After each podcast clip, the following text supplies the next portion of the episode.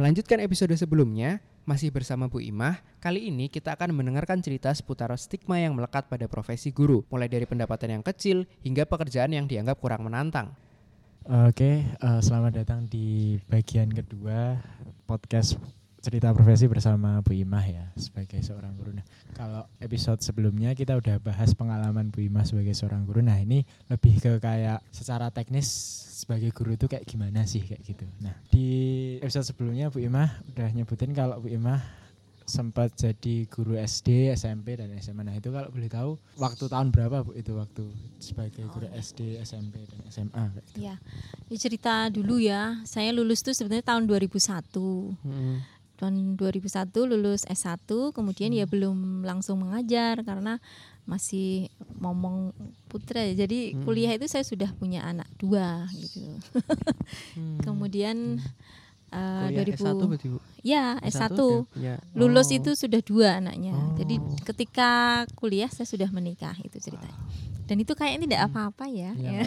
apa Ini membuka mindset anak-anak ya, muda sekarang ya. yang anti menikah ya hmm. sebelum sarjana, tapi boleh aja. Dan itu termasuk juga ya Bu. Ya? Maksudnya kan udah di atas 18 tahun jadinya. Iya, yang penting taat undang-undang. Undang-undang minimal berapa gitu. Iya. Iya.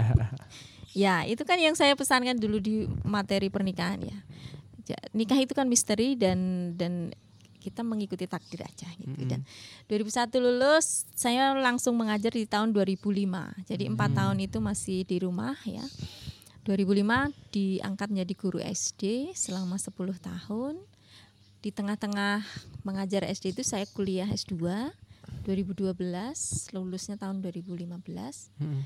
Di situ saya ngajar di SMP dan akhirnya di SMA. Karena kalau eh, S2-nya S2 kita itu bisa untuk mengajar SMP atau SMA. Hmm. Kalau di S1 hanya sampai di SD gitu. oh, gitu. Jadi kalau kamu uh, teman-teman semua yang pengen jadi guru SMA ya minimal targetkan sampai S2. S2 gitu. Karena memang tuntutan sekarang ini minimal S2 gitu. Uh, waktu tahun berapa? Oh iya. Uh, 2000 14 saya dipindah dari SD ke SMP Negeri 1 ya. Dulu oh. SD-nya di SD Muhammadiyah Kleco hmm. di swasta ya. Hmm. Tentunya ya uh, apa suka dukanya beda dengan sekolah negeri. Kemudian saya masuk di sekolah negeri tiga semester di SMP 1 sampai 2015 akhir. Yeah. Jadi di tengah-tengah 2014 itu jadi tiga semester, kemudian masuk di SMA Negeri 3 tahun 2016 Januari. Nah sekarang udah tahun ke ke-6 ya. Yeah. Uh -huh uh, selanjutnya nih Bu dari Bu Imah tadi kan udah ngobrol tentang pengalamannya sebagai guru dan ceritanya sebagai guru di bagian pertama tadi. Yeah. Nah uh, mungkin secara spesifiknya kalau jadi guru tuh uh, mungkin benefit dan konsekuensinya tuh apa aja sih Bu? Tentunya jadi guru uh, jangan menjadi profesi yang ah apa meneh liani guru gitu ya hmm. jangan ya tapi hmm. betul-betul diniatkan iya, gitu karena memang kalau lihat dari cita-cita saya tuh pengen sekali jadi guru sejak kecil dan tidak berubah itu meskipun hmm. di SMA-nya saya belajar biologi kimia akhirnya toh juga belajar apa ya tapi kalau dulu mau uh, jadi guru tapi guru apa itu belum belum hmm. terfikirkan ya. hmm. ya yang penting jadi guru lah kalau zaman dulu ada PGSD ya oh, S1 yeah. nah, sekarang nggak hmm. tahu ada apa enggak di di UNY itu ada mestinya ya hmm. dan saya tertarik dengan pendidikan itu memang sejak sejak sejak SMA sejak hmm. SMA saya pengen jadi guru karena memang kayaknya guru itu enak adem ayam gitu loh yeah. dan memang kalau pengen jadi guru diniatkan dan punya apa ya komitmen untuk untuk membangun bangsa sebetulnya ya hmm. mendasari uh, generasi kita ini untuk selalu apa ya berpendidikan tidak ketinggalan itulah yang Benar. penting punya niat itu yeah. nanti akan dimudahkan itu oke okay. uh, eh, selanjutnya mungkin mm -hmm. uh, kan jadi guru kan tadi juga dari cerita yang udah disampaikan juga pasti banyak yang harus dilakukan selain mm -hmm. mengajar selain berbicara oh, di depan yeah. gitu ya bu nah kira-kira uh, butuh skill apa aja sih bu? Kayak maksudnya modalnya, iya, gitu. modalnya gitu apa aja yang harus iya. disiapkan ya. gitu. Sebetulnya semua orang bisa jadi guru ya. Lebih-lebih di era sekarang. Hmm. Orang tua kan semua harus jadi guru iya, ya. benar benar. Mau mengarahkan ke nah kalau modal dasar sih sebetulnya dalam agama itu kan sudah di sudah di apa ya diberikan tuntunan gitu mm -hmm. Kita harus selalu berkata itu ya berkata yang baik mm -hmm. gitu kan dengan siapa pun. Kemudian kita harus bisa menyampaikan hal-hal yang baik. Kalau sabar, kona'ah itu kan perlu dilatih. Yeah. Ya, kalau modal dasarnya kita punya niat untuk bisa menyampaikan. Bukankah mm -hmm. menyampaikan itu kan tanggung jawab semua orang. Yeah. Cuman caranya kalau guru itu di kelas. Sementara hmm. kalau profesi lain bisa dengan cara yang lain juga menyampaikan juga. Hmm.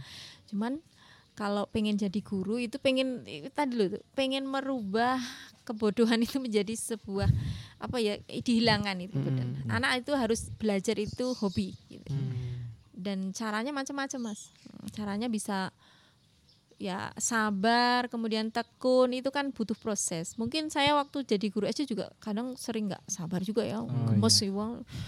marah-marah itu juga yeah. saya pernah ngalami gitu. Kalau modal dasar sih yang penting mau berbicara di banyak orang itu minimal harus berani. Hmm, jadi guru masa yeah. mau di record terus ya yeah. rekaman terus. Emangnya daring.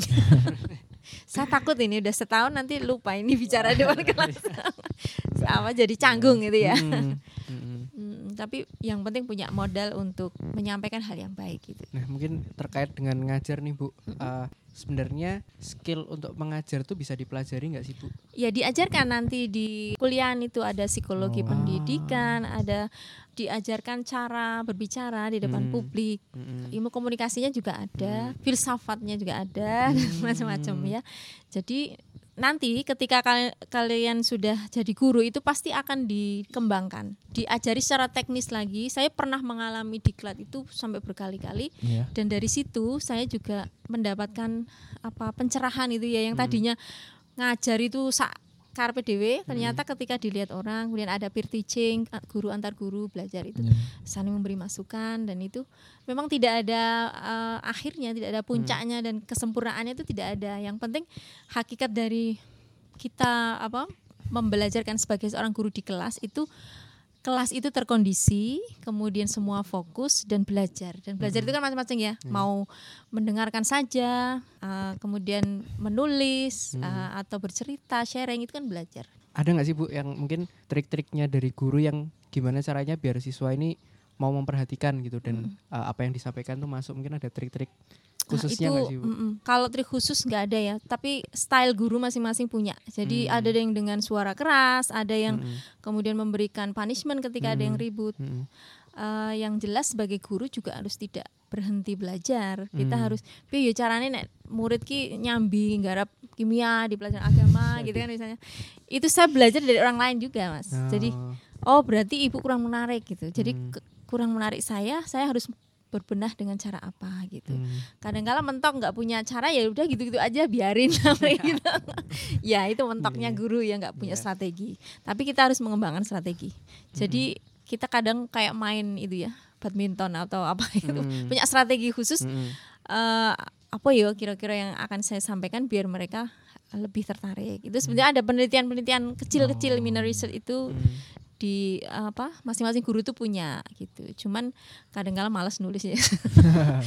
Karena iya. itu. Nah ini mungkin pertanyaan saya tanggapan Bu Imah ya. Kan keadaan sekarang kan di mana kita kita anak zaman sekarang itu kan gurunya juga kebetulan udah hebat-hebat Bu. Jadi hmm. udah kayak melek IT kali ya? Iya, itu nggak kayak dulu. udah hebat-hebat. Terus juga dari situ mungkin salah satu pengaruh kayak istilahnya sedikit lah yang mau jadi guru gitu Bu. Kalau dari Bu Imah sendiri kan juga sempat bilang tadi kalau guru itu sebenarnya kan panggilan hati ya Bu. Nah tapi kan pada kenyataannya nanti juga guru itu bakal tetap dibutuhkan sampai sampai ketika anak itu udah punya anak lagi sampai udah tua nanti juga bakal tetap harus ada guru. Nah semakin sedikitnya minat guru dari anak-anak zaman sekarang menurut Bu Imah itu gimana Bu? Ya, mungkin berbeda ceritanya ketika pertanyaan minatmu itu mau jadi apa itu di sekolah lain. Kalau di SMA 3 memang jarang sekali yeah, itu yang minat jadi guru. Entah karena mungkin tidak termotivasi melihat gurunya atau hmm. memang melihat dari uh, sudut pandang lain karena guru itu dari dulu begitu-begitu aja ini ya. hmm. ya.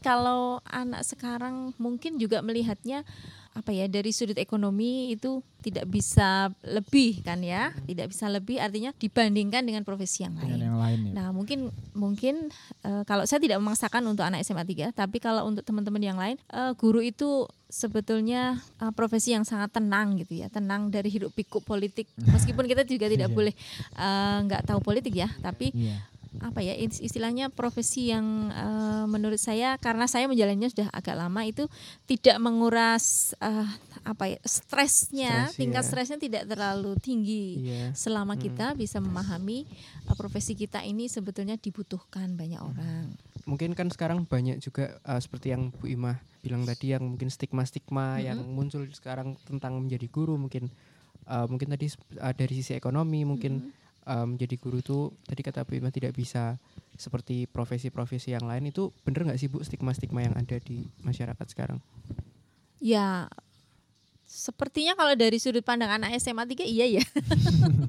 Karena memang mereka tidak terbiasa di lingkungan guru ya. Jadi yeah. lingkungan yang terbiasa dari teman-temanmu itu, teman-teman SMA 3 itu uh, lingkungan yang berbeda dari lingkungan uh, guru. Jadi ada ada apa ya kaitannya lah orang yang seperti saya kiri kanan saya guru dan punya dapat banyak masukan dari profesi itu hmm. dan sepertinya enak ya jadi guru gitu nah, mungkin kurang tahu saja hmm. kurang mendalami bahwa jadi guru itu juga uh, apa nikmat gitu ya hmm. terlebih kita bisa sharing dan bahagianya itu bisa di kelas hmm.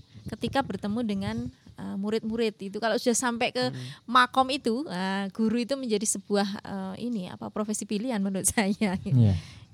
tadi kan saya bilang kalau minat guru semakin sedikit gitu. Nah, tapi minat kan menjadi guru uh, ya. Minat jadi guru semakin sedikit, tapi kan tetap ada beberapa nih Bu, ada. Hmm.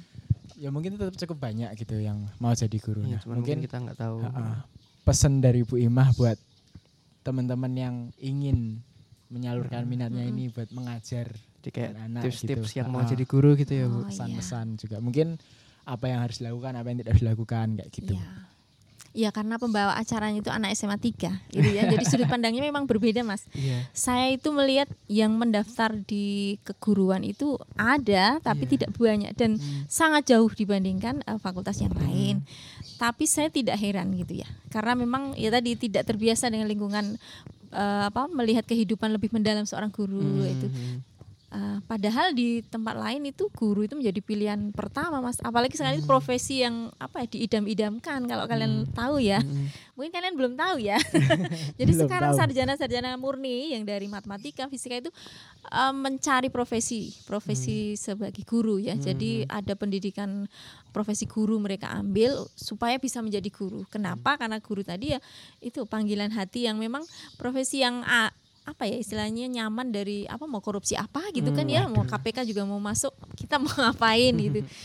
Uh, sebetulnya dari sudut pandang uh, saya sebagai seorang guru itu memang uh, teman-teman yang pengen jadi guru jangan jangan ini ya jangan apa surut niatnya untuk menjadi guru. Karena lihatlah ke dalam. Jadi hmm. apa hikmahnya kita menjadi guru apa nikmatnya kemudian mungkin uh, apa ya istilahnya pangsa pasarnya itu masih sangat luas gitu mm -hmm. dan sangat dibutuhkan dari masa ke masa. Dan kalau pengen jadi guru ya niatkan betul. Insya Allah kita kalau tidak menjadi guru di tempat sebuah instansi ya kalau kita jadi guru kalau ibu ya jadi gurunya anak-anak minimal kan begitu yeah. ya. Sebelum lanjut dengerinnya kita mau ngasih tahu nih kalau episode ini disupport oleh Danke Clothing bagi teman-teman yang mau sablon kaos dengan kualitas tinggi, bisa langsung hubungin Danke di nomor 0858 759 11140. Benar banget yang disampaikan Bu Ima ya mungkin uh, buat teman-teman yang mau jadi guru sendiri ataupun yang selama ini melihat pekerjaan sebagai guru itu pekerjaan yang apa ya di nomor sekian kan lah nah itu uh, mungkin sebenarnya lebih ke mindsetnya ya bu mindset dan stigma yang di masyarakat itu yang dilihat tuh mungkin karena ya mungkin itu tadi kita uh, di SMA yang di perkotaan jadi sangat materialistis gitu bu jadi yang dilihat saya mau bilang gitu nggak tega nggak sampai yeah. hati ya tapi memang betul yeah. nyatanya betul hmm. ya mungkin lebih ke mindsetnya dan lebih ke niatnya dilurusin hmm. lagi dan menjadi guru tuh banyak kok keuntungannya banyak kok uh, kesenangannya dan mungkin kalau teman-teman sekarang kan kalau anak muda tuh bu biasanya yang dicari itu sekarang tuh lebih ke kebahagiaan yang sedang digembar-gemborkan gimana Hmm. caranya biar bisa bahagia, gimana caranya biar bisa tenang. Nah, menurut saya profesi guru itu sebagai salah satu profesi yang paling apa ya, paling enak dan paling bahagia gitu Paling loh, Bu. bisa, paling menjemput bisa aja. bahagia ya. Benar, Heeh. iya. Ya, itu tadi udah kita udah diskusi sama Bu Ima. Makasih banget Bu Ima udah mau Iya, sama-sama Mas juga diganggu terima waktunya. kasih. eh, sama kita. Nah, mungkin itu ya. Semoga bisa jadi pelajaran buat teman-teman. Nah, Mm. bagi teman-teman yang masih bingung nih mau jadi apa bisa bisa tunggu terus episode selanjutnya dari podcast cerita profesi. Benar Terima banget. kasih.